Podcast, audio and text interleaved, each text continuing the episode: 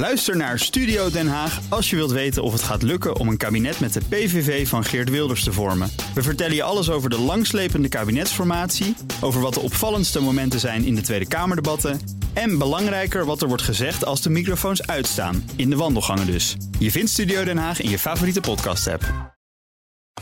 De column van Bernard Hammelburg. Hij heeft een hoop kennissen, een stevig groepje vijanden en, hoewel die al twintig is, niet veel echte vrienden. De euro. Volgens eurofielen een zegen van messiaanse proportie, volgens sceptici een duivelssymbool van zwakte en machteloosheid. En natuurlijk speelt hij weer een hoofdrol in de Europese verkiezingen.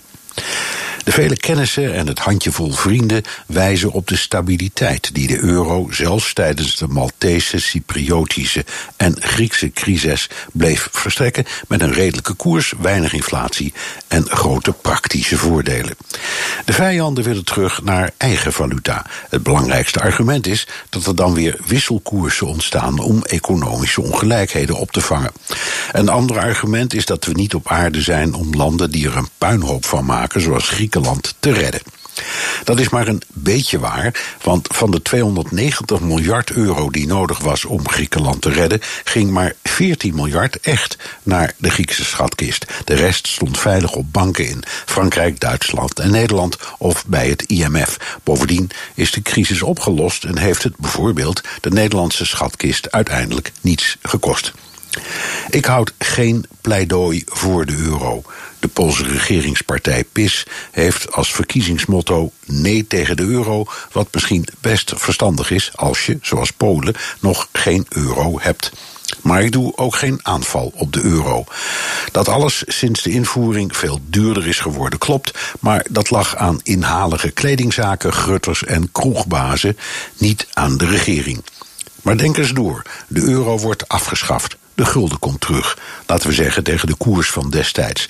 Dan krijg je voor je gulden in België 18 frank, in Frankrijk 3 frank, in Duitsland 50 pfennig, in Italië 880 lieren. Als je tenminste de middenkoers krijgt. Als je contant wilt wisselen, krijg je de veel hogere aankoopprijs en pakt de bank drie kwart procent commissie.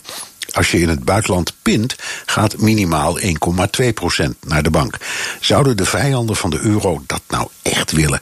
Word je soevereiner als je weer met zo'n portemonnee met zeven vakken en schandalige wissel- en bankkosten door het leven moet? Het is een verkiezingsstrijd vol eurogeleuter. De Europese Unie schreeuwt om wijsheid en die zit niet altijd bij partijen of spitsenkandidaten of in dubieuze propagandafilmpjes, maar bij de kiezer. Gelukkig is die volgende week aan zet. Zij Bernard Hammelburg, onze buitencommentator. En op woensdag altijd columnist, ook op dit station. Uh, en u kunt zijn column en andere, andere columns trouwens terugluisteren op bnr.nl in de BNR-app. En daar vindt u ook al onze podcasts. Vanmiddag om half vier bijvoorbeeld de nieuwe Petrolhead. Bij BNR ben je altijd als eerste op de hoogte van het laatste nieuws. Luister dagelijks live via internet. Bas van Werven. En heel langzaam komt de zon op rond dit tijdstip. Je krijgt inzicht in de dag die komt op BNR, het Binnenhof in Nederland en de rest van de wereld. De Ochtendspits. Voor de beste start van je werkdag. Blijf scherp en mis niets.